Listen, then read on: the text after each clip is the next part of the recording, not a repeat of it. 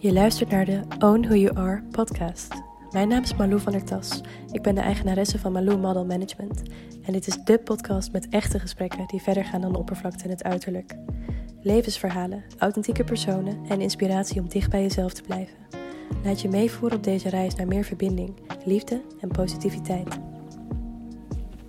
In deze aflevering ga ik in gesprek met Kelvin Silvius over zijn keuze om Nederland achter zich te laten en al jaren in het buitenland te reizen met een backpack van 10 kilo. We hebben het ook over intercultureel opgroeien en over de macho-cultuur in Brazilië, wat vooral mijn vooroordeel was. En vooral over minder in je hoofd zitten en meer gewoon zijn. Veel plezier. Ik heb hier Kelvin te gast. En heel spontaan uh, is dit ineens tot stand gekomen. Want ik kreeg gisteren een berichtje van jou. Ik ben er weer. En uh, dat betekende dat jij weer geland was in Nederland. Klopt. Want uh, jij bent een hele tijd niet in Nederland geweest. En misschien wil jij jezelf even voorstellen en vertellen waar je geweest bent. Is goed. Nou, mijn naam is Kelvin. Voor de mensen die me niet kennen. En ja, sinds gisteren weer terug in Nederland en hiervoor eigenlijk een jaar in Sri Lanka gezeten. Met name door corona natuurlijk. En nu eigenlijk bijna twee jaar al aan het rondreizen. En nu dus even terug in Nederland voor uh, hopelijk een maandje. Maar mm -hmm. ja, nu met deze tijden weet je het natuurlijk niet en kun je niet echt plannen. In ieder geval niet verder dan een paar dagen. Nee. Dus we gaan het zien uh, hoe lang ik hier in Nederland zal zijn. Wie weet zit ik nu in één keer hier vast voor een jaar. Zou je het erg vinden? Ja, ik, ik denk het wel, ja. Als ik er nu zo over nadenk, dan is het haast een soort van... Uh, nou ja, nachtmerrie kan ik het niet noemen, maar... En straf in deze kou en... Uh, ik zou het wel heel ja. eng vinden, ja. ja. Ik weet niet wat het met mij zou doen en... Uh, ja, nee. met mijn happiness in general. Ja, dat is ook wel hoe ik jou, waarom ik eraan dacht om dit gesprek met jou te voeren. Want je hebt het nu over jouw happiness. En dat is eigenlijk ook hoe jij voor mij. Uh, als er iemand altijd blij was, is. Ja, ik heb je nu dus al weet ik hoeveel jaar niet gezien. Ja. Maar iemand die altijd gewoon bijna huppelend over straat ging, dat ben jij. Is dat nog steeds zo?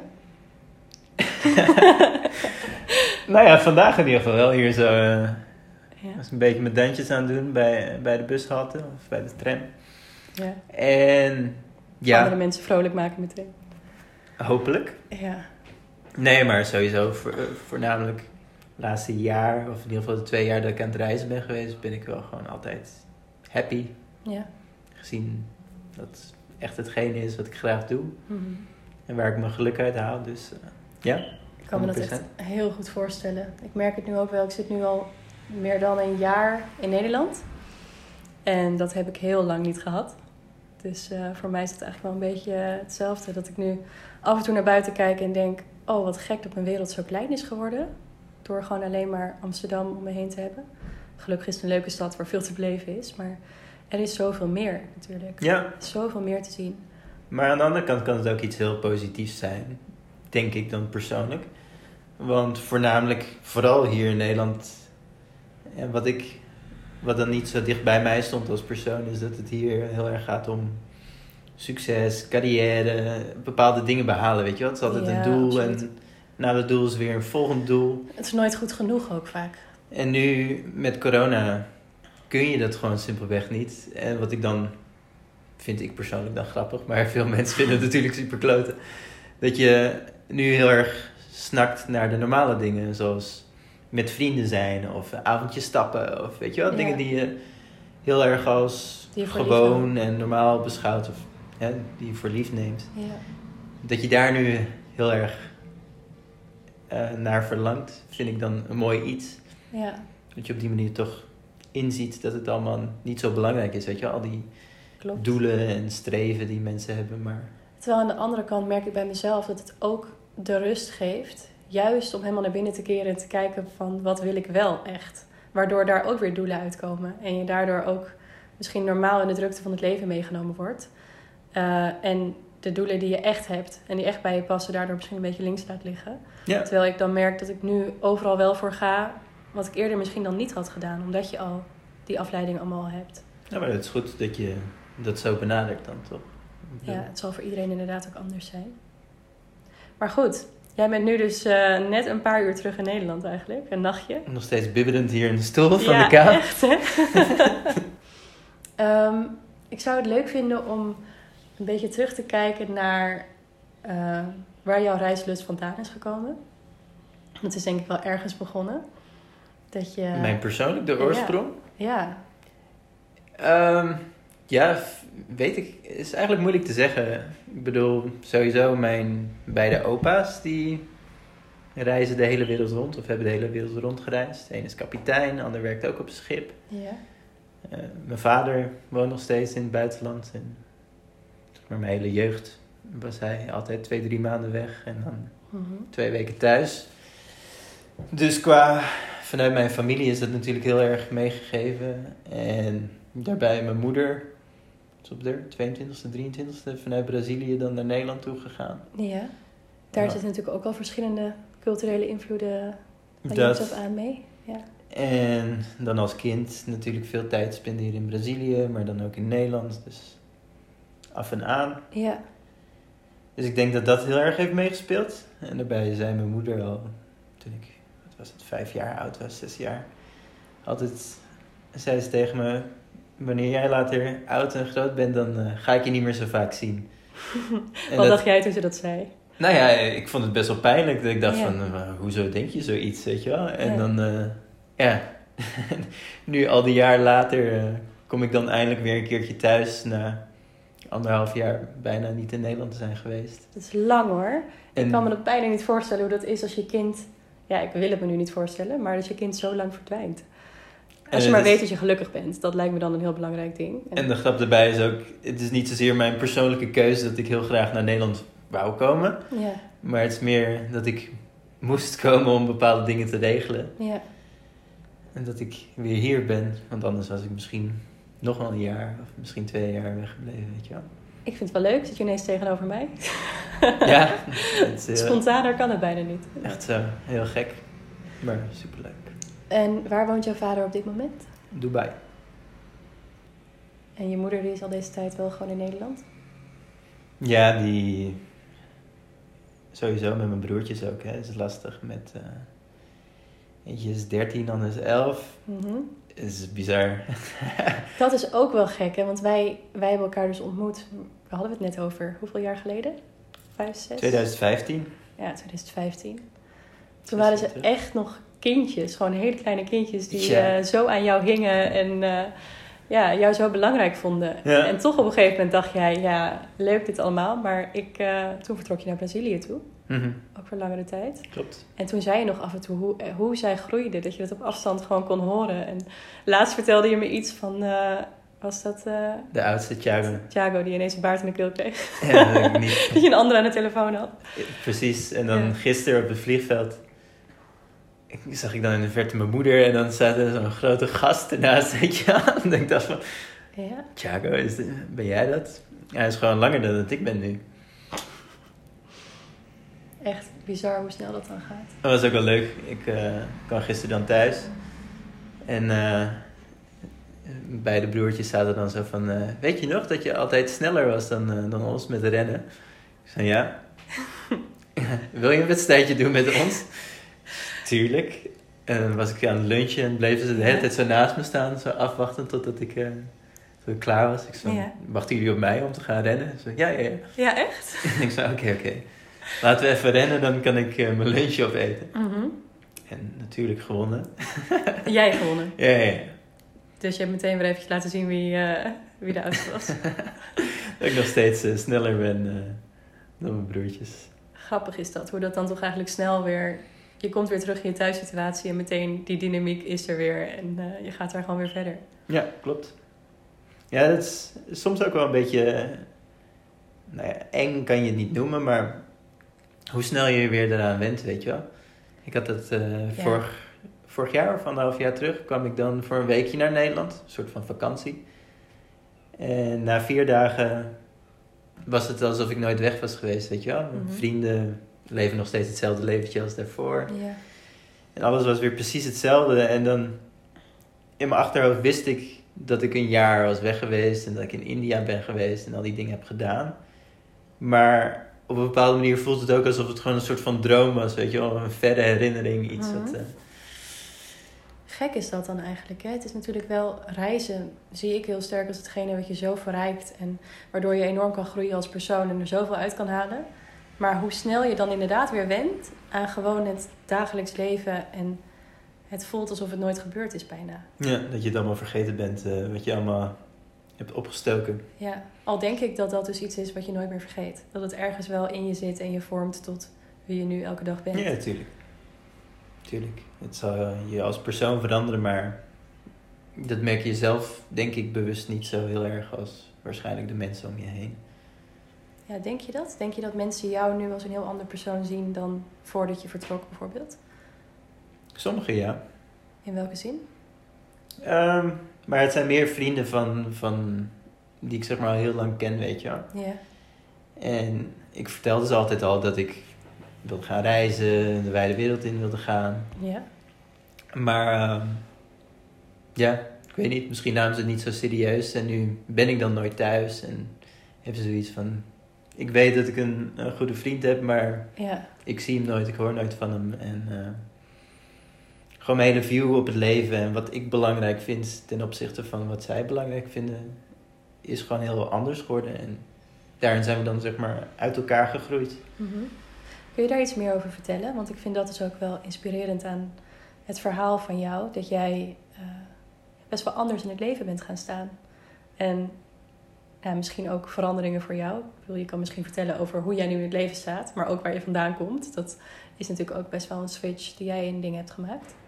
Ja, ehm, nou ja, voornamelijk ook vanuit mijn ouders, hè, is, of in ieder geval mijn vaders kant van de familie, is dat heel belangrijk eh, wat voor studie je hebt gedaan, wat voor baan je krijgt. eh, dus zeg maar dingen die je kunt meten, Ja, salaris, cijfers, dat is heel belangrijk voor ze. ja, En dat ging ook best goed. En ik begon dus met mijn bachelor, ook een beetje toen, toen we elkaar leerden kennen. ja.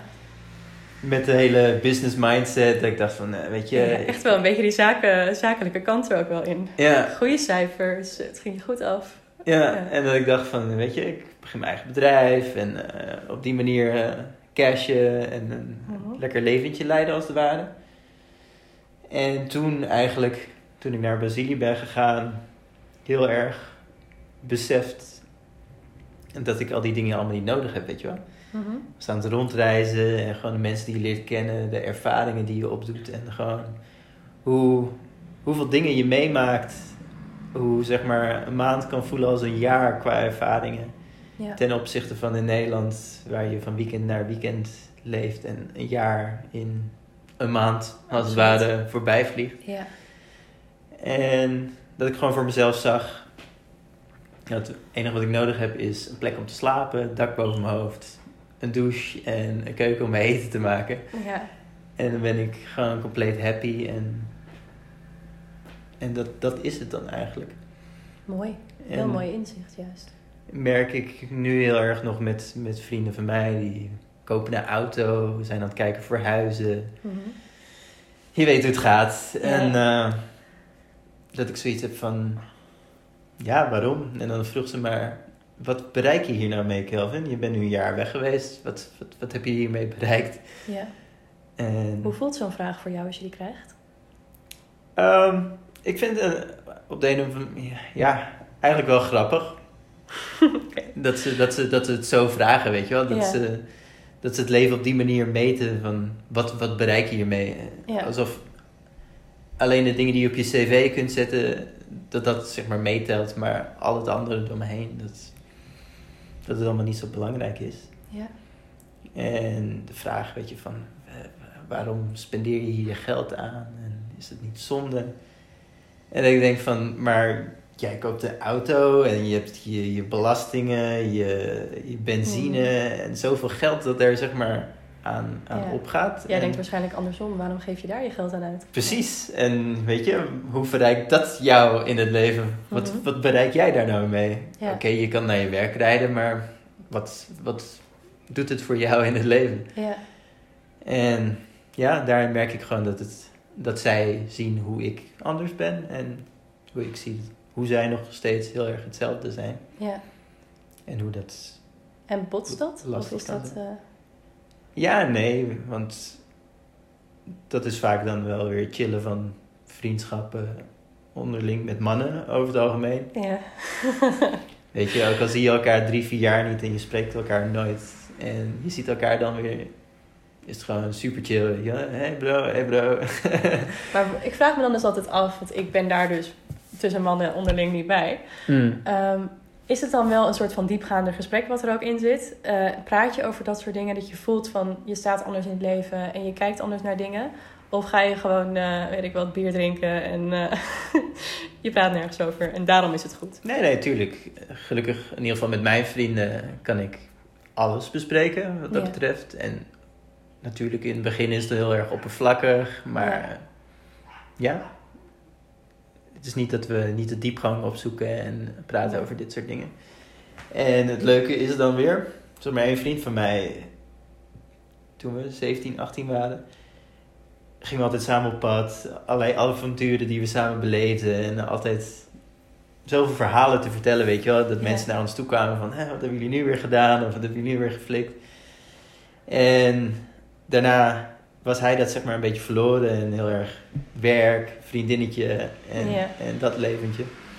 En ik zei van, kom op man, eh, kom gewoon met me mee. En ik weet zeker dat je het geweldig vindt. En hij van, nee, ik kan niet. eh, ik moet even focussen op wat belangrijker is. Wat belangrijker is, heb je hem eigenlijk al, hè? Ja. En eh, nu dan een maand terug, door corona, is hij zijn baan kwijt. En zei van, Kelvin, ehm, waar ben je nu? Ik kom je meteen opzoeken. Ik, ik moet Oh, ook ik hier denk dat weg. zoveel mensen dit gevoel herkennen. En eh, Maar Ja. handelde hij er ook naar? Of is hij gewoon nog steeds blijven zitten waar hij zit? hij is nog steeds blijven zitten waar hij zit. Ja. Gezien hij niet kon komen. Ja. Maar ik eh, ja, probeer wel een beetje ze te inspireren of een beetje te helpen, weet je wel. Om toch je view een beetje een- te openen. Je hebt ook met een vriend samen gereisd, toch een tijd? Ja, ja samen met, eh, met Rick. Waar ik, ja, een jaar hebben we samen in India gereisd. En eh, echt 24-7 samen. Het, eh, ja. Want dat is dus wel een vriend die diezelfde mindset daarin deelt. Ja. Ja, superleuk. Ik weet niet of je het nog herinnert toen de tijd. Dat, dat we geen vrienden waren. En dat ik zoiets had van shit. Ja, ja, ja, ja. Ik heb dit hele proces nog meegekregen. Ik zit eh, met deze vent opgescheept voor acht maanden in Brazilië. Ja. En dat we... Het vooroordeel vond ik daar zo mooi aan. Ik, ik heb dat proces nog zo in mijn hoofd. dat je Zo'n soort vooroordeel over, volgens mij over elkaar. Dan hadden jullie het allebei naar elkaar toe, toch? Ja, En uiteindelijk, nou ja, jullie zijn er gewoon voor gaan kiezen om weet ik hoe lang samen dag in dag uit door te brengen. Ja, klopt. Ja, hij, hij vond me altijd een beetje een soort van gangster type die een beetje te cool achterin eh, in de klas zat en niks zei.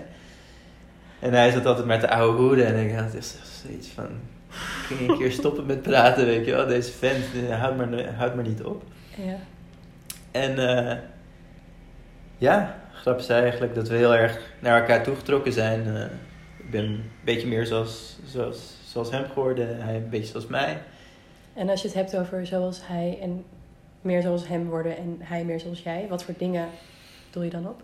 Ehm, ik merk dat hij gewoon heel erg meer uitbundig is, meer extrovert en heel erg eh, op die manier. Mhm. En ik toch wat meer kalm en georganiseerd. En, eh, en ja, door hem toch wat meer gek ben gaan doen. En het, allemaal, het maakt hem niet zoveel uit, weet je. Ja. En hij, eh, zeg maar, het grootste ding was altijd, hij heeft een heel kort lontje. En dan bijvoorbeeld als, je, als de bus een half uur te laat is, of dat soort dingen, weet je wel. gaat hem heel erg irriteren en dan wordt hij boos. Wat is dit? Mensen doen dit en het is allemaal zo slecht Mhm. geregeld. Frustratie. En dat ik zoiets heb van, eh, rustig aan het komt wel goed, niks aan de hand. Dus, eh, Maar voel jij dat dan ook echt zo? Is dat iets wat jij jezelf, dat je jezelf dan tot rust moet brengen van, nou, oh nee, ik, ik blijf gewoon relaxed? Of reageer je op dat soort situaties ook gewoon vanuit je natuur al zo? Ja, gewoon vanuit mijn natuur. Het is niet dat ik denk van, oké Kelvin, adem in, adem uit. Nee, dat eh, idee heb ik dus tegenwoordig, dat, dat dat nu ook een beetje zo'n ding is. Dat mensen heel graag heel zen willen zijn. Snap je? hm. Heel erg positief willen zijn. Heel erg rustig en kalm willen blijven. Maar dat eigenlijk niet zo voelen, waardoor ze zichzelf meer in de weg staan. Dan dat ze zich echt rustiger gaan voelen, zeg Dat maar. het allemaal... eh, Ja, Maar dat heb jij niet. Dat- Over het algemeen niet, nee. eh, Nee. Gelukkig. Maar ik denk dat het ook wel een beetje mijn opvoeding is geweest, toch? Ik bedoel, het is half Braziliaans, half Nederlands. En in Brazilië is het allemaal gewoon wat meer rustig aan. En Ja. weet je, het maakt allemaal niet zoveel uit. Als je een afspraak hebt met iemand en diegene komt niet opdagen en komt het Mhm. Oké, prima, dat soort dingen gebeuren. Maar Dat is hier in Nederland bijna niet Hier, denkbaar als met je- de schema's. En, eh, als je zeg maar te laat komt, dan is het al zo van... wat is dit? Je bent te laat, weet je wel? ja. ja, ik heb dat ook natuurlijk minder omdat ik wel meer gereisd heb en daar denk ik wat anders in sta. Ja. Maar dat is volgens mij wel iets. Als ik naar mezelf kijk, heb ik in heel veel dingen wel een beetje gevoeld altijd anders te zijn of anders in dat soort dingen te staan en te denken, joh, doe, maak allemaal maar een heel groot iets van iets wat in mijn ogen niet zo belangrijk is. Waar gaat het nou echt om? En daarin een beetje een gek gevoel gehad. Maar ik denk dat wij elkaar daarin ook wel een beetje vonden in die tijd. Van, we zijn eigenlijk allebei wel een beetje de gekken die er net een beetje buiten stappen. Ja. En gewoon gaan volgen wat wel goed voelt. En een beetje je eigen, eigen mensen opzoeken, je eigen plekken opzoeken. Ja, ik denk dat het voornamelijk bij ons ook zo is, gezien we heel veel moeilijke dingen hebben beleefd in ons leven.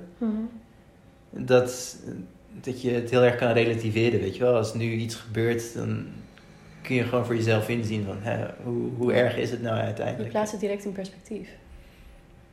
Waar voor andere mensen dat daadwerkelijk een big deal is in hun leven, weet je wel. Dat iemand te laat komt, dat ze dat echt voelen als Ja, daar heb je inderdaad wel een heel goed punt. een grote impact Ja, op hun leven. Want dat, weet je, dat is dan goed voor hun dat dat, dat hetgene is eh, waar zij zich druk over maken. En dat het ergste is wat, wat zij beleven in, eh, in leven. Dat zij het op die manier zo, zo zien.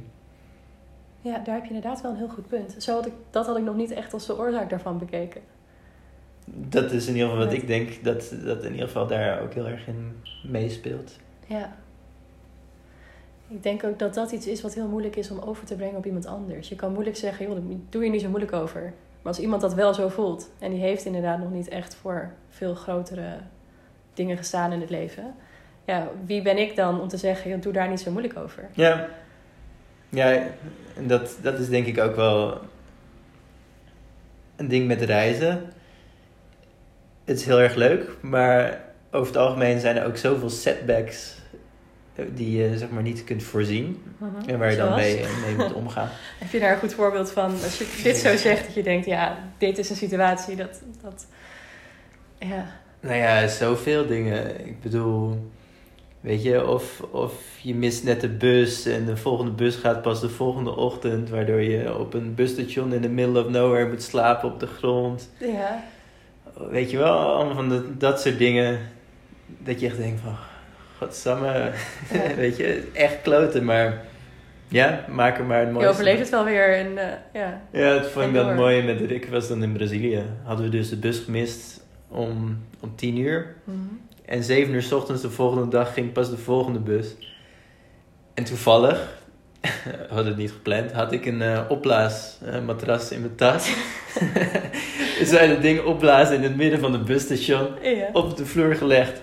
En wij echt beiden zo lekker liggen op de grond, muziekje aangezet. Jullie leefden wel als een koning daar. Ja, ja. ja ik had bij eh, zeg maar, zo'n winkeltje wat pakjes eh, sap gehaald en wat koekjes en zo. en wij gewoon keihard te chillen. En eh, om ons heen zaten we, zagen we echt mensen zitten van... Oh, weet je, wat kut is dit? En we moeten nog uren wachten. En wij echt mega relaxed, weet je wel. En van dat soort dingen.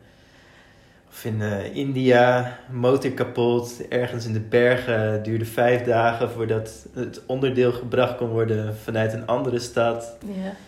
Toen was er een landslide, waardoor die weg ook nog afgesloten was. Waardoor nog langer gewoon diegene niet eh, met het onderdeel kon komen. Mhm. En de trip, de planning was zes dagen. En we hebben daar uiteindelijk 24 dagen over gedaan 24. ja, om weer te komen.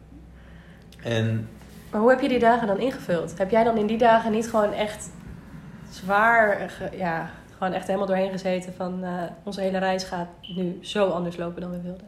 Ehm, ja, tuurlijk. Want we waren zeg maar met z'n vieren. En in het begin was allemaal lachen en eh, Ja. mooi avontuur.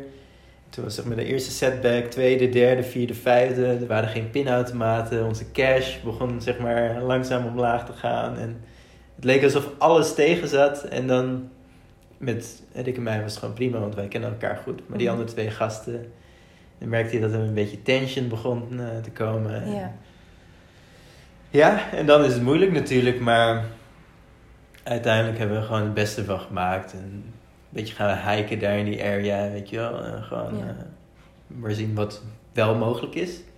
In plaats van ons druk te maken over de dingen die, waar we niks aan kunnen doen. Ja, ik kan me ook voorstellen, waarschijnlijk, je bent op dat moment in India. En ik denk, ook al zit je daar vast, het is denk ik wel een inspirerende, mooiere omgeving dan als je hier, eh, weet ik waar, op een industrieterreintje stil komt te staan. Je hebt alle middelen voorhanden, maar ja, ik denk dat je daar dan toch wel eventjes wat meer van je tijd kan gaan maken. Als je die mindset, die switch daarin kan maken van, hey, kijk even waar ik ben. Je moet het wel kunnen waarderen. Want als je Ja. echt eh, zeg maar helemaal vast zit in je hoofd met, met alles wat, wat kloten is.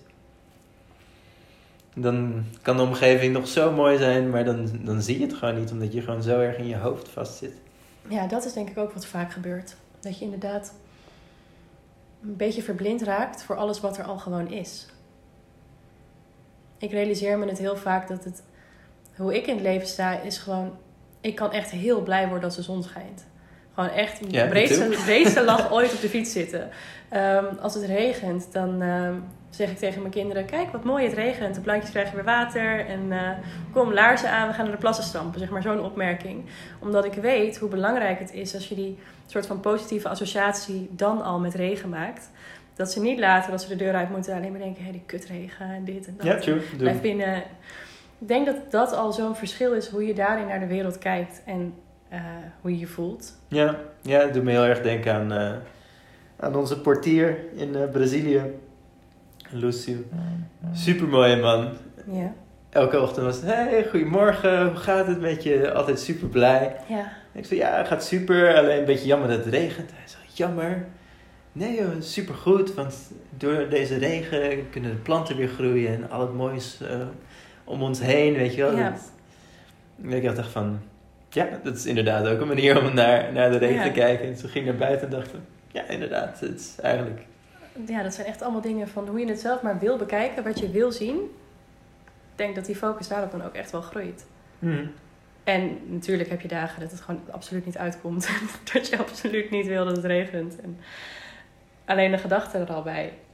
En dat is in heel veel denk, dingen denk ik in het leven wel. Dat je gewoon, als er een situatie op je pad komt die niet meteen positief is of niet is wat je verwacht had, dan toch bij jezelf die switch kunnen maken van eh, hoe maak ik hier het beste van. Ja, ja want dat, dat, dat, dat is het ding uiteindelijk. Want hoe dan ook kun je er zelf niks aan doen aan de situatie zelf.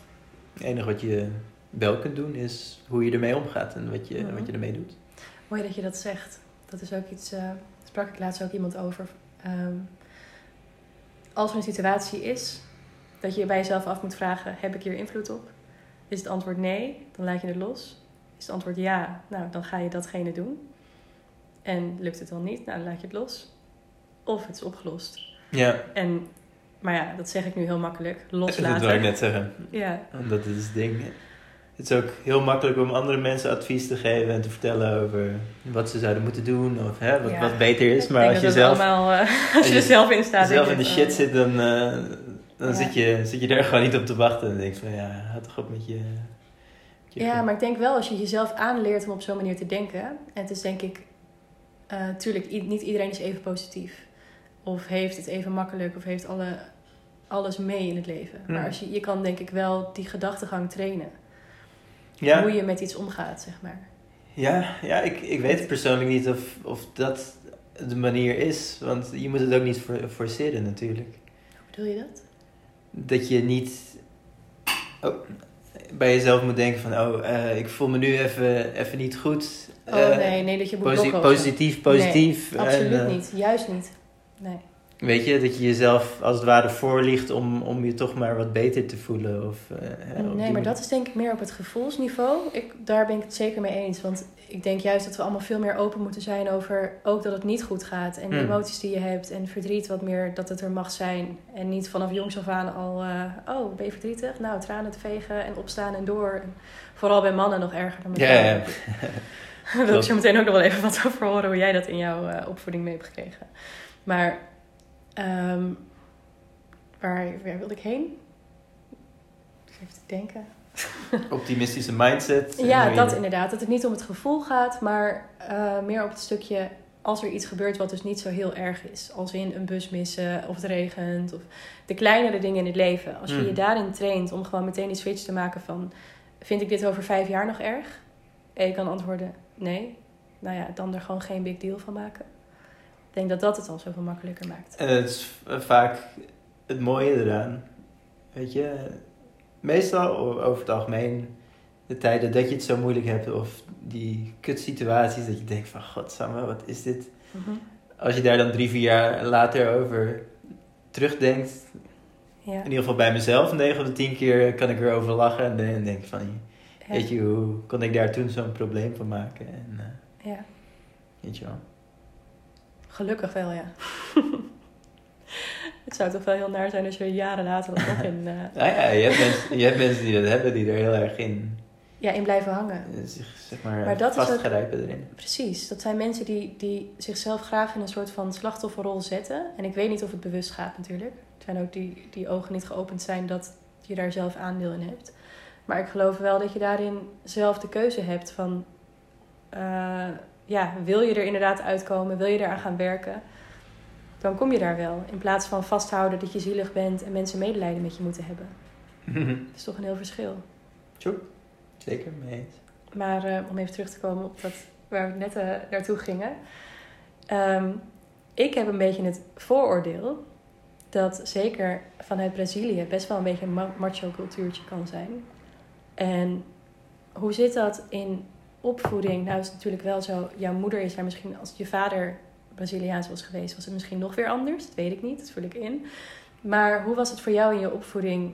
Heb jij het idee dat daarin dus dat soort dingen waren? Van jij bent een man, dus eh, kom op. En, eh, dat, Kom ik over als een macho persoon? Oh. nee, op mij niet. Maar Nee. ik, ken, ik ken jou natuurlijk ook pas een aantal jaar. Ik weet niet of jij dingen doorbroken hebt vanuit jouw jeugd waarvan je denkt: dit, eh, dit dient mij niet, zeg maar, dit, dit wil ik loslaten zelf. Ja, tuurlijk. eh, ik, als kind zijn merk ik heb er nu nog steeds last van. Ik probeer er zeg maar nu uit te komen en daaraan te werken.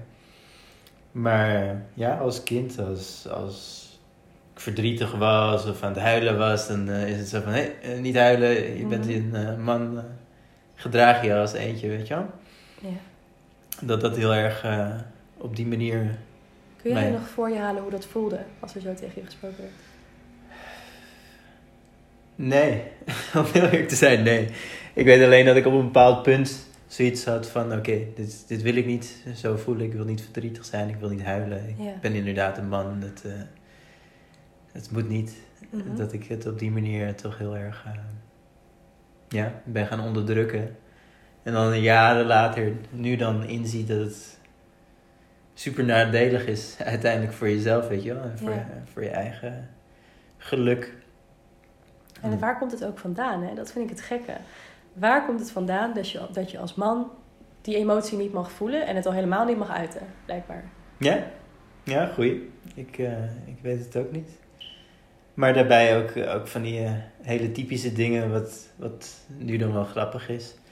Zoals ik ben opgevoed, dat je als man zijn de rekening moet betalen voor een vrouw en van dat soort dingen, weet je wel. Dat Ja. je heel erg moet providen voor de vrouw. Ja, En dan hier in Nederland, weet je wel.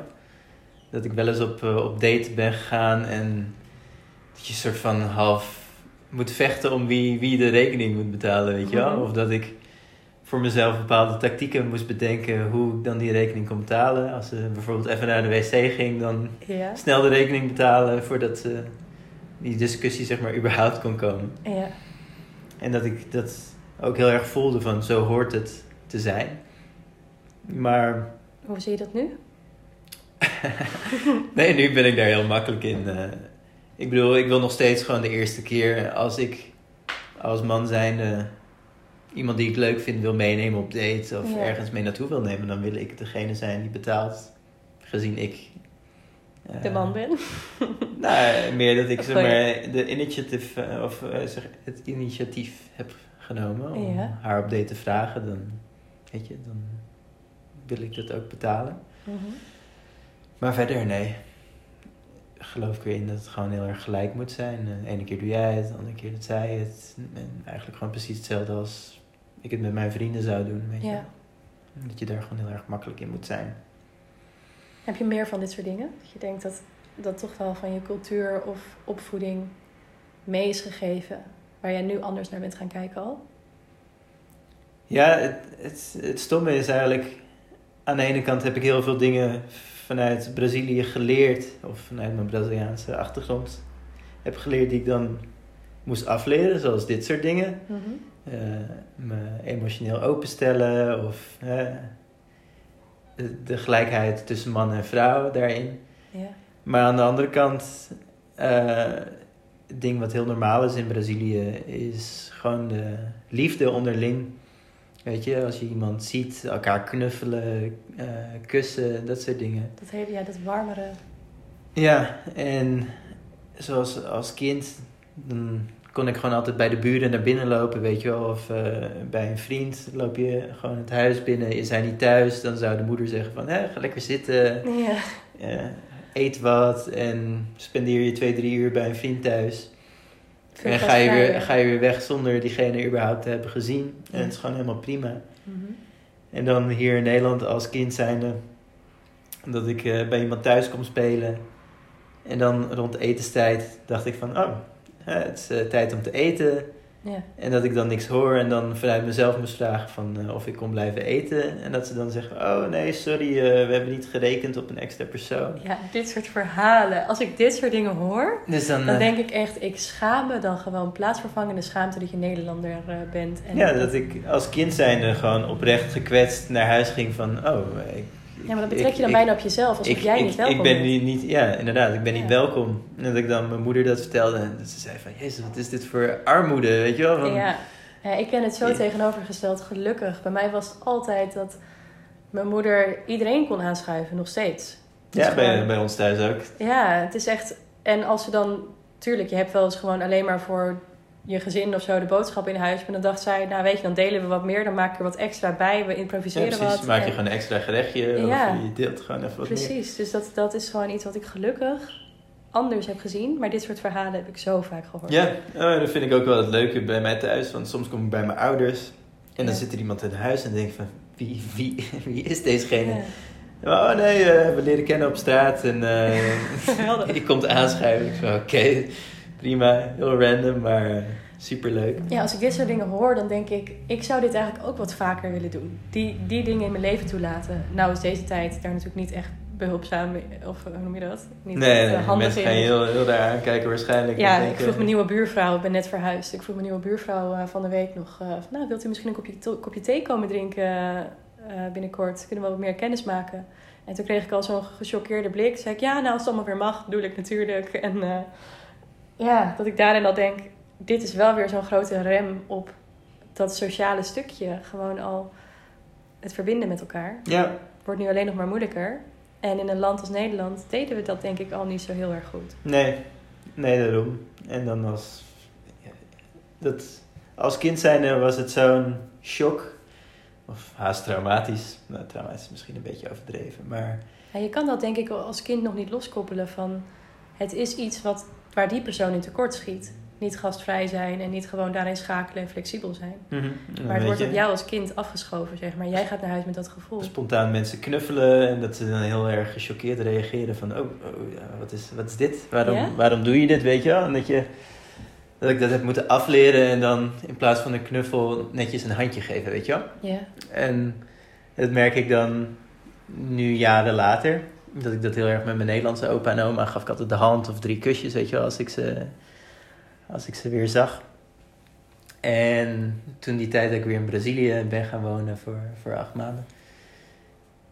kreeg ik dat weer terug, weet je wel. Dat ik Ja. met iedereen aan het knuffelen was. En gewoon zoveel liefde. En met zo'n vol hart leef je dan. Ja. En het is gewoon zo'n fijn iets dat je dat met elkaar kunt delen. En toen kwam ik dan terug in Nederland, na, na Brazilië.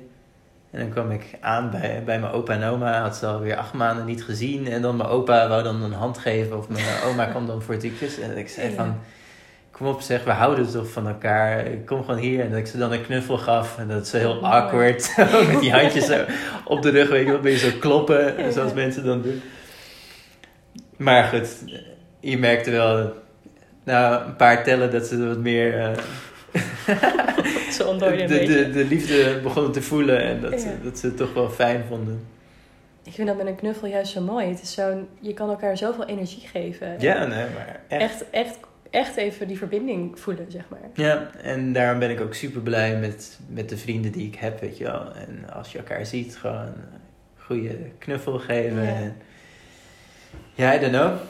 Het bevordert je kwaliteit van leven zo, zo, zo erg. Want, ik weet niet, het is gewoon, gewoon de liefde. Ik bedoel, het zijn je vrienden toch? Of het is je familie. En waarom, waarom niet open zijn en, ja, absoluut. en dat dan ook te delen? En dus ook zoals dan ineens een vreemde bij jou thuis zit, bij je moeder. Juist ook dat nog ietsje breder trekken. Door gewoon... Uiteindelijk eh, is het wel echt een vreemde. Ja, ik bedoel... Iemand leer je kennen en je weet niet wat het verhaal daarachter is. Misschien is dat wel een van die vriendschappen die uitgroeit tot, eh, tot iets heel moois. Ja, Ja, ik denk dat je daar allemaal wat meer open voor kan staan. Ja, ik probeerde dat ook wel in Nederland eh, te doen. Want dat, dat is dan vaak een ding. eh, wat veel mensen doen wanneer ze reizen, zijn ze heel erg open om Ja. mensen te leren kennen Ja. en nieuwe dingen te doen en allemaal van dat soort dingen. En dan komen ze thuis en dan doe je dat niet meer, weet je wel. En het is gewoon Ja. super zonde, want het kan ook super leuk zijn om gewoon random met iemand in de metro een gesprekje te voeren. Of op die manier gewoon eh, met vreemden in contact te komen en te zien hoe zij tegen het leven aankijken. En Ik vind dat heel mooi juist. ja, ik had het een keer. ehm, was ik met, eh, met een vriendin op een feestje. En eh, kwam zeg maar wat later terug. En er was een gast die haar probeerde te versieren en zo. kwam ik erbij. Hey, hallo. een praatje met hem gemaakt. En eh, toen vertelde hij dat hij naar Amsterdam Dance Event zou gaan. Ik zei, oh, wat gaaf. Ik zei, ik woon in Amsterdam. En zei hij, oh, tof. En dan vertelde hij over hoe moeilijk het was om, om zeg maar een plek te vinden in Amsterdam, eh, omdat zoveel mensen daarheen gaan. Ik Ja. zei van, nou, dan kom je toch gewoon bij mij eh, logeren. Ja. Zei hij, echt? Ik zei, ja, tuurlijk. Nummers uitgewisseld en dan twee weken later stond die gast op de stoep. ja, echt? Ja, Ik vind het leuk dat je dat gewoon doet. ik moest dan werken de ochtend daarna, dus eh, ik eh, had hem gewoon de sleutels meegegeven. En toen, eh, s ochtends, toen ik zeg maar net richting het station ging, kwam hij dan thuis. En dan hadden ze natuurlijk wat gebruikt en stond ze dan echt met van die flinke doppen voor mijn neus. en ik zei van, leuke avond gehad. Mhm. Zei, Oké, chill.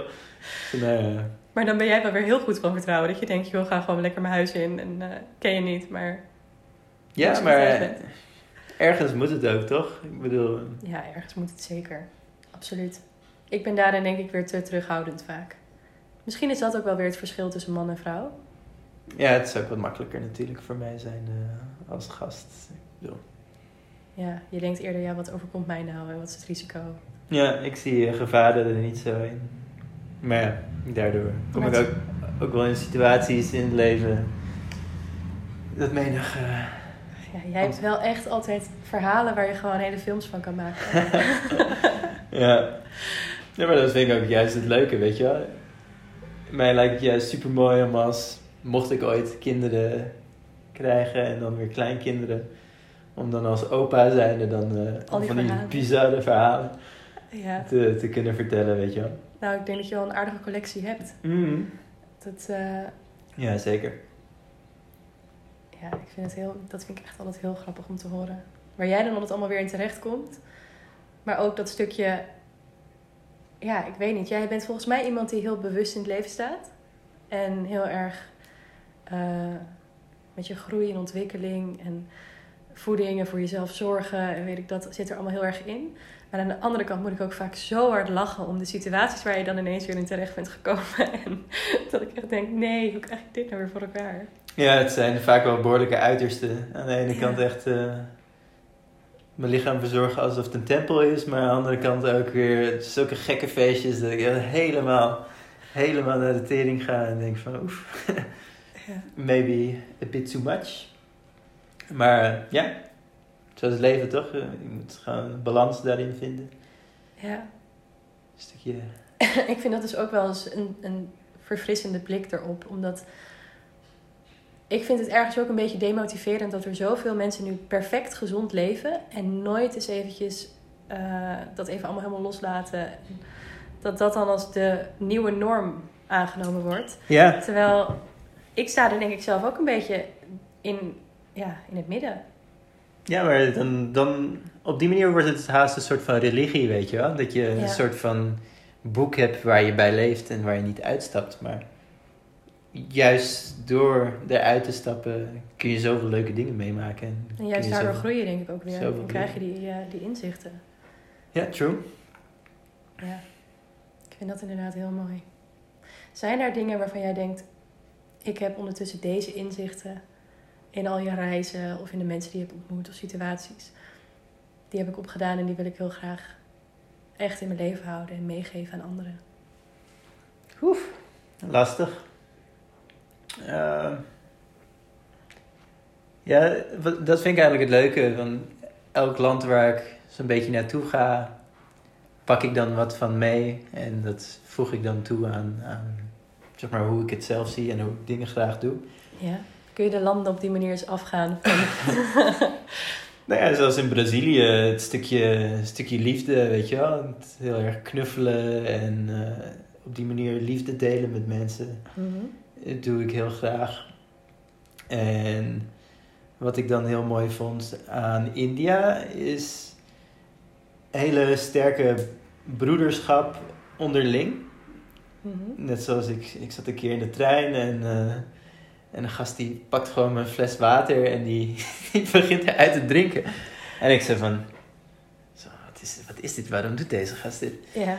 En toen, beetje bij beetje, leerde ik dus dat alles gewoon voor, van iedereen is en dat men het onderling deelt. En weet je, hier wil je water, pak het. Mhm. eh, en op die Hier manier. mijn hygiëne ding alweer in de problemen komen. Dus Ja, ik nee, ik, ik, ik had in eerste instantie ook, maar.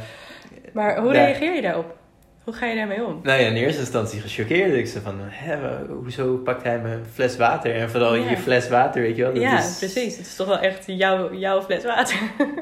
Maar eh, daar hebben ze iets voor, de Indian sip, no lip. Dus dan houden ze de fles boven hun mond en dan Oké. laten ze een beetje water zeg maar zo in de mond vallen. En op een gegeven moment leerde ik dat dan en dan deed ik dat ook bij andere mensen. En Grappig dat je daar dan gewoon in meegaat, dat je je aanpast. op die manier, en een keer zat ik in de trein en eh, zat ik een serie te kijken of zo. En een gast naast me zat mee te kijken en ik zei van, eh, wil je een oortje? En hij zei, ja, ja. Hij een oortje en dan kwam hij zo tegen me aanliggen met zijn hoofd op mijn schouder. En zat ik dan samen met zo'n een wildvreemde ehm, een serie te kijken, weet je wel. En dat is super mooi. En het me- merk je gewoon heel erg vaak... Als je mensen met elkaar ziet praten, is het alsof ze elkaar al jaren kennen, weet je wel. Ja. En dat vond ik een heel mooi iets. Het is zo laagdrempelig. Dus van, nee... Ze praten dan ook vaak tegen mij in Hindi, omdat ze dachten dat ik eh Indiaas was. Ja. En dan was van, eh, hey bro, en eh, dit, dat, ze zo. En dan meteen een gesprekje aanknopen. Dus dat vond ik heel erg mooi van daar. En ook als iemand iets wilt eten, dan vragen ze... Of iets gaat eten, vragen ze altijd eerst aan jou van... Hey, wil je, wil je misschien ook wat? En altijd Mhm. heel erg delen, weet je. Wat ik een heel mooi iets vond, maar soms ook heel lastig. Want dan zit je in een restaurant met wat andere mensen. En dan denk je, ik heb echt zin om dit te eten, weet je wel. Ja. En dan bestel je dat. En dan Is al weg voordat je een hapje hebt genomen? en willen andere mensen daar ook van eten. En dan zie je het alle kanten op gaan. En dan denk je, oh mijn god, daar, daar, daar ging het. Ja. weet je wel. En eh, voor hen is het dan zo normaal om het allemaal te delen. Je neemt wat van, eh, van dit, wat van dat. En op die manier eh, ja, doe je dat allemaal samen. Dus dat Ja. vond ik dan weer heel mooi. En hetzelfde dan in Sri Lanka, wat ik dan al zei. Dat mensen elkaar heel erg opvangen, want de overheid doet het niet. Je hebt eh, niet uh, zeg maar subsidies of uh, dat soort dingen die, mm. waar, de, waar de mensen mee geholpen worden. Dus iedereen, ook al ben je echt straatarm, maar je hebt toch iets, dan delen ze het alsnog met iemand anders. Zo mooi vind ik dat. En op die manier, ja, probeer ik dat soort dingen toch dan mee te nemen. En, Waar zou dat vandaan komen? Dat, dat altijd maar willen delen, al heb je zelf bijna niets. Misschien juist omdat ze weten hoe het is om niets te hebben. Dat, dat, dat lijkt me het voornamelijkste. Het is gewoon wetend hoe naar het kan zijn om, om in die situatie te zitten. Ja. Dat je, ja, dat je blij bent met hetgene dat je hebt. En zo blij dat je ook graag het wilt delen met anderen. Ja. Dus dat uh, ja, dat zijn allemaal dingen die ik dan uh, meeneem in het leven. Maar verder, ja, ik weet niet, ik vind het zo lastig om het op deze manier zo te zeggen, want ja, snap ik. het is voor mij heel normaal en het zijn dingen die ik, die ik, die ik dan gewoon doe. Ja, jij bent van jezelf natuurlijk ook al een heel uh, gastvrij, zorgzaam persoon en sociaal. Dus overal heb jij wel weer vrienden gemaakt en contacten gelegd. Dus dan is het misschien voor jou al iets waar je, hoe jij gewoon al bent. Ja. En misschien ook juist daarom wel zo goed in allerlei andere culturen waar je dan die dingen tegenkomt, dat je je daar zo makkelijk in aan kunt passen. Ja, ja, hoogstwaarschijnlijk. Gezien mijn hele jeugd eigenlijk uh, aanpassen was. Uh, Hoe bedoel je dat? Nou, gewoon vanuit Brazilië naar Nederland moest ik me aanpassen aan de cultuur en hoe, hoe doen ze het in Nederland. En, ja. uh, op die manier eigenlijk me aan te passen, maar ook dan weer in Brazilië. Dingen die in Nederland normaal zijn, dat, dat dan weer en mee te nemen naar daar. En, ja op die manier toch eigenlijk uh, ja, jezelf in andermans schoenen kunnen plaatsen en toch, weet je, ook buiten jezelf om te denken. En niet Mhm. alleen. Uh... En doe je dat dan voor de ander of voor jezelf? Uh, ik, doe, ik weet niet, ik uh, denk daar eigenlijk niet, niet heel erg over na. Het is niet een. Niet iets wat je energie kost of zo. Niet een, je- hele bewuste keuze die ik daarin maak. Het is meer in situaties dat het even moeilijk is. Weet je wel, iemand gedraagt zich echt als, als een eikel tegenover je of iets dergelijks. Of een bepaald iets staat je gewoon heel erg niet aan. Ja. Dan probeer ik het wel heel, heel erg bewust te doen. Voor mezelf, maar ook voor diegene Mhm. om te denken van nou, oké, er zal vast iets aan de hand zijn met diegene. Ja. Dus daarom doet hij dat. En het Mhm. gaat niet om mij, het is niet persoonlijk. En dat is het- dat, wat je als laatste zegt, het is niet persoonlijk. Dat is echt iets wat ik de laatste tijd ook zo vaak gewoon mezelf weer voorhoud. Als er weer iets is waarvan je gewoon... Soms wil je je heel graag kunnen verplaatsen in iemand anders schoenen. Maar kun je er gewoon niet bij waarom iemand handelt of iets zoals ze doen. En dan altijd maar toch weer terug blijven komen bij het is niet persoonlijk. En daardoor het ook wel een beetje los kunnen laten. En niet je eigen positieve gevoel of iets helemaal eh, weg te laten gaan. Alleen maar door zo'n situatie. Mhm. Ik denk dat dat wel een heel belangrijk ding is. Dat uiteindelijk iedereen op zichzelf gefocust is, voornamelijk. En dat best wel bevrijdend kan voelen ook. Dat je gewoon... Niemand is zoveel met jou bezig eigenlijk. Maar Ja, dat is, dat is eh, inderdaad dan de grap. Mensen zich heel erg bezighouden met eh, wat de buitenwereld van ze denkt. ja. Maar, En wat de verwachtingen zijn van anderen. En ik kan me voorstellen, en als ik kijk naar jouw geval ook... dat je ervoor kiest om de wereld over te gaan reizen. En uit een familie komt waar dus de cijfertjes en dat soort dingen eigenlijk allemaal heel belangrijk is. Maar dan voel je daardoor, denk ik, misschien een bepaalde druk. Want het is je familie en het zijn verwachtingen van mensen die waardevol zijn voor jou. Maar heel veel mensen zijn nog meer bezig, denk ik, met de meningen en verwachtingen van al die mensen die je niet eens kent. Of die niet eens Ja, echt van waarde zijn in je leven. Zeker. En Zo zonde. dat is dan, dan weer het ding. De meeste mensen zijn zo bezig met hun eigen shit dat ze. dat ze. Ja, niet Nee, eens. verder kijken. Ja, maar inderdaad, dat had ik dan ook met mijn, eh, mijn familie toen, toen ik dan naar India toe ging. Ja. Ik bedoel, ik had een goede baan, ik verdiende goed geld, eh, een paar promoties gemaakt, dus het zag er allemaal heel eh, rooskleurig uit. Ja. Ik had eigenlijk het leventje wat zij dan voor mij zien als het perfecte leven. En ja, toen vertelde ik dus dat ik eh, ontslag had genomen en dat ik op reis ga en mijn huis ga opzeggen en al dat. Ja, dat is nogal wat om dan eventjes... En dat ze dan zeiden van, wat ben je helemaal gek geworden? Ga je dit allemaal opgeven voor een stinkend land als India? En ik zei ja. En ze zeiden van, maar hoe zit het dan met je toekomst, weet je wel? Ja. Wat als je terugkomt, heb je dan nog wel een baan en allemaal van dit, dit soort dingen. Mhm. Ik, zei van, ik maak me daar persoonlijk geen, geen zorgen over, weet je wel. Het komt allemaal Ja. wel goed. Als ik dat wil, dan, dan komt het wel.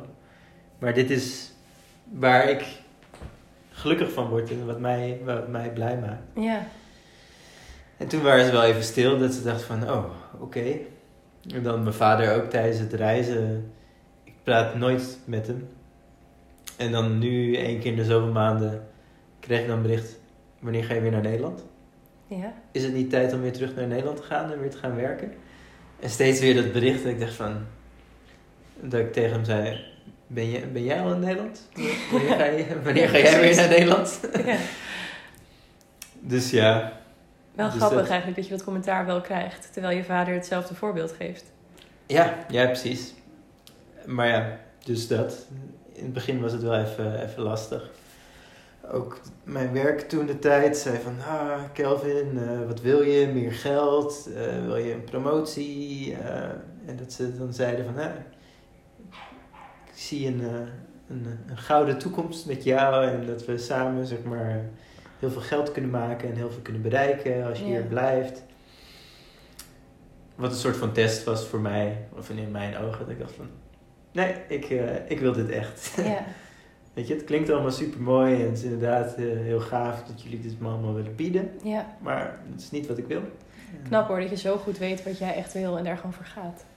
Ja, en de grap uiteindelijk is, ehm, tijdens het reizen werd ik dan af en toe nog benaderd met de vraag, ehm, kun je anders niet op afstand misschien even een opdrachtje doen? Wat ik dan deed. en dat ik dan eh, alsnog mijn geld verdiende, maar dan op afstand, op mijn, eh, Op jouw voorwaarden. op mijn voorwaarden inderdaad. Mooi. Ja. En nu kies je er dus ook bewust voor om zo snel je kan Nederland weer te verlaten. Ja. Niet in Nederland te wonen. Nee, Nooit meer? Voor mij persoonlijk niet. Misschien als ik ooit kinderen heb, zou ik ze hetzelfde willen bieden als wat ik heb gehad. Qua, Mhm. weet je, comfort Ja. en studie, eh, zorg, van dat soort dingen. Ja. Dat is natuurlijk allemaal super goed geregeld. Ja, klopt. Maar ja, dat is, dat is gewoon een beetje het ding voor mij. Weegt het op tegen de andere dingen Het, inderdaad. het is allemaal te geregeld voor mij. Ik Ja. geniet er juist meer van om dingen lekker op mijn manier te doen. En Ja. niet zoals verwacht wordt. En ja. Maar goed, weet je, het is moeilijk te zeggen. Ik bedoel, Je weet het niet. toen ik mijn bachelor begon, wou ik een, eh, een business starten en eh, succesvol worden. Ja. Toen alles opgezegd en eh, gaan reizen. En nu ben ik weer hier terug, omdat ik nu voor mezelf iets ga beginnen, weet je wel. Wat ik ook eigenlijk nooit had verwacht dat ik mijn eigen bedrijfje zou gaan starten. Wil je daar nog iets over kwijt? of is het allemaal nog geheim? Nee, nee. Het, het- uiteindelijk is het gewoon het werk wat ik dus in Nederland deed. eh, recruitment. Ik bedoel, het werk zelf vind ik heel erg leuk. Ja. Ik bedoel, je spreekt zoveel verschillende mensen en je hoort over hun dromen, wat ze graag willen doen in het leven. Ja. En dat vind ik persoonlijk heel erg mooi. Ik weet Maar- er niets van. Ja, maar eh, zeg maar het format waarin het gepresenteerd wordt bij heel veel van die recruitment agencies staat mij gewoon niet aan. Nee. Want het was altijd zo van, oké, je hebt een job, binnen 14 dagen vul je het. En het hele persoonlijke eraan verlies je gewoon heel erg. Ja. En, Je gaat heel erg kijken naar, nou, ja, in ieder geval uit mijn ervaring weet ik dat je gaat kijken naar een persoon die perfect in het plaatje moet passen. Mhm. En als je die dingen soort van af kunt vinken, dan is het oké. Terwijl er zoveel meer achter die persoon zit. Ja. En dat is het, weet je.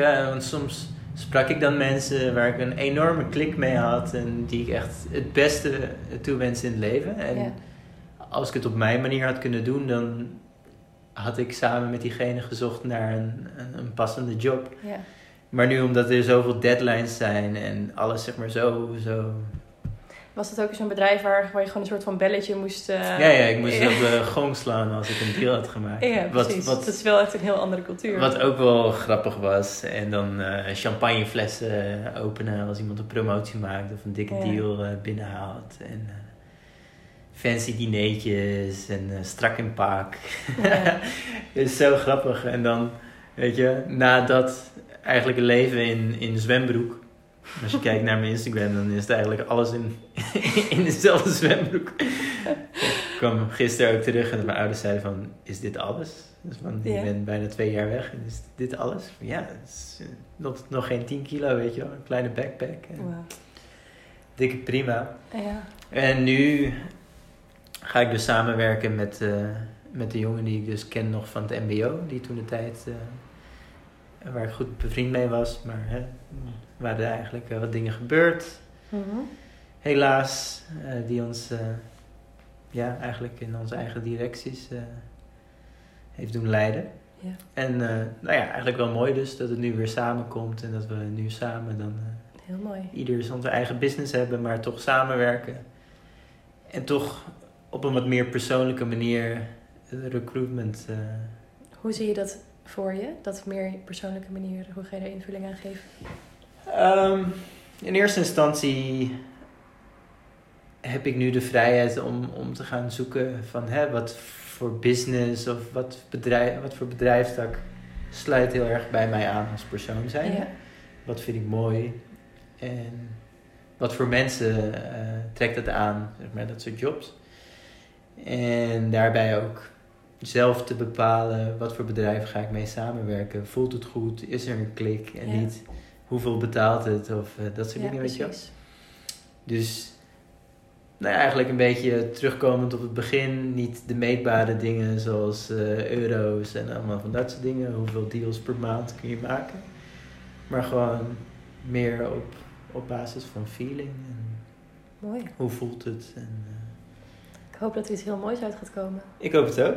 Klinkt wel als de perfecte combinatie van het vrije leven en de dingen meenemen die je allemaal hebt opgedaan. Daarom ben En, ik er ook eh, super blij mee. ja. Ja.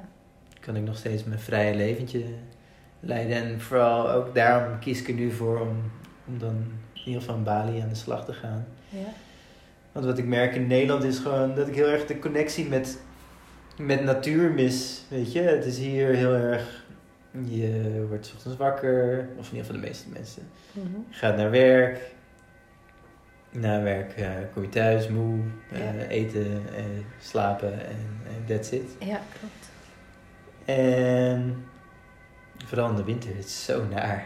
ik word er zo ongelukkig van, net zoals Ja. wat ik vandaag zei, van hoe laat Hoe laat wordt het licht? wordt het licht. Eerste berichtje vanmorgen. Hoe laat wordt het licht hier?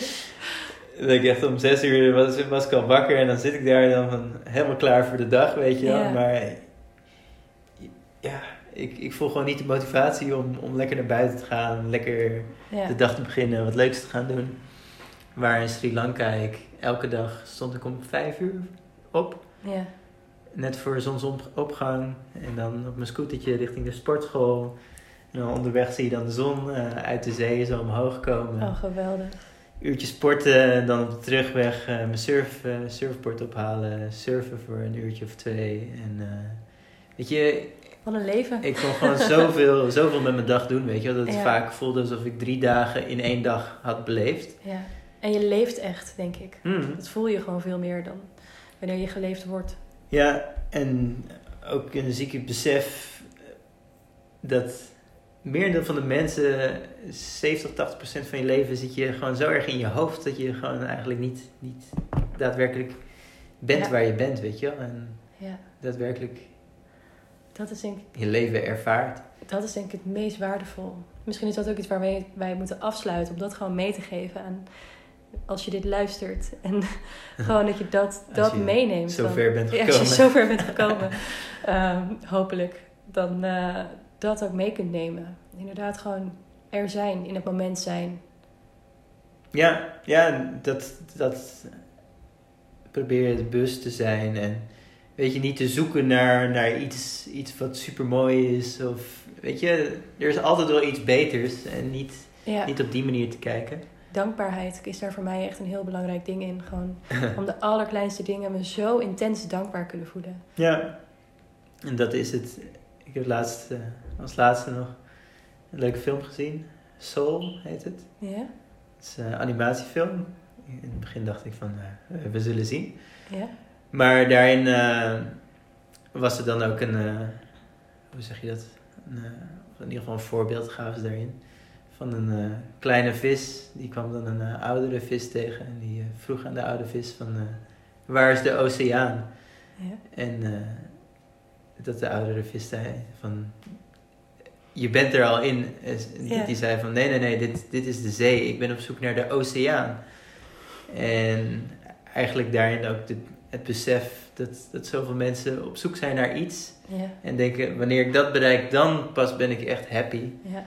En eigenlijk daarin tijdens het hele proces. Zit je er al in? Daar ben je al. Ja, Ja. En maar omdat ze zo erg bezig zijn met waar je naartoe gaat, het hele stuk van nu, eh, waar je nu bent, Ja, dat eigenlijk vergeten en zo erg in je hoofd zitten.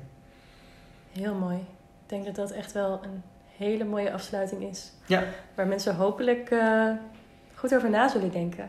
Iets bewuster mee bezig zullen gaan. Ja. En eh, ja, kijk even om je heen op dit moment. Kijk gewoon eventjes wat je hebt, wie je om je heen hebt. En Wees daar dankbaar voor. ja, wees daar dankbaar voor. Het is niet makkelijk, natuurlijk. eh, zullen er veel momenten zijn dat je weer even in je hoofd zit van... Oh, misschien over een paar maanden kan ik gaan reizen. Of, eh, ja, maar dan kijk je weer in de toekomst. Of iets in het verleden waar, wat je nog dwars zit. Ja.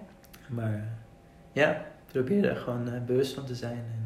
En, Ja, in het van, nu oh te zijn, dankbaar te zijn. Bedankt voor het luisteren naar deze aflevering. Heb jij er een inzicht uit kunnen halen? Deel dit dan met mij. Ik vind het altijd leuk om te horen. Ook helpt het mij als je deze aflevering wilt delen met iemand in je omgeving en als je via Apple een rating en review achter wilt laten. Ook abonneren via Spotify is meer dan welkom.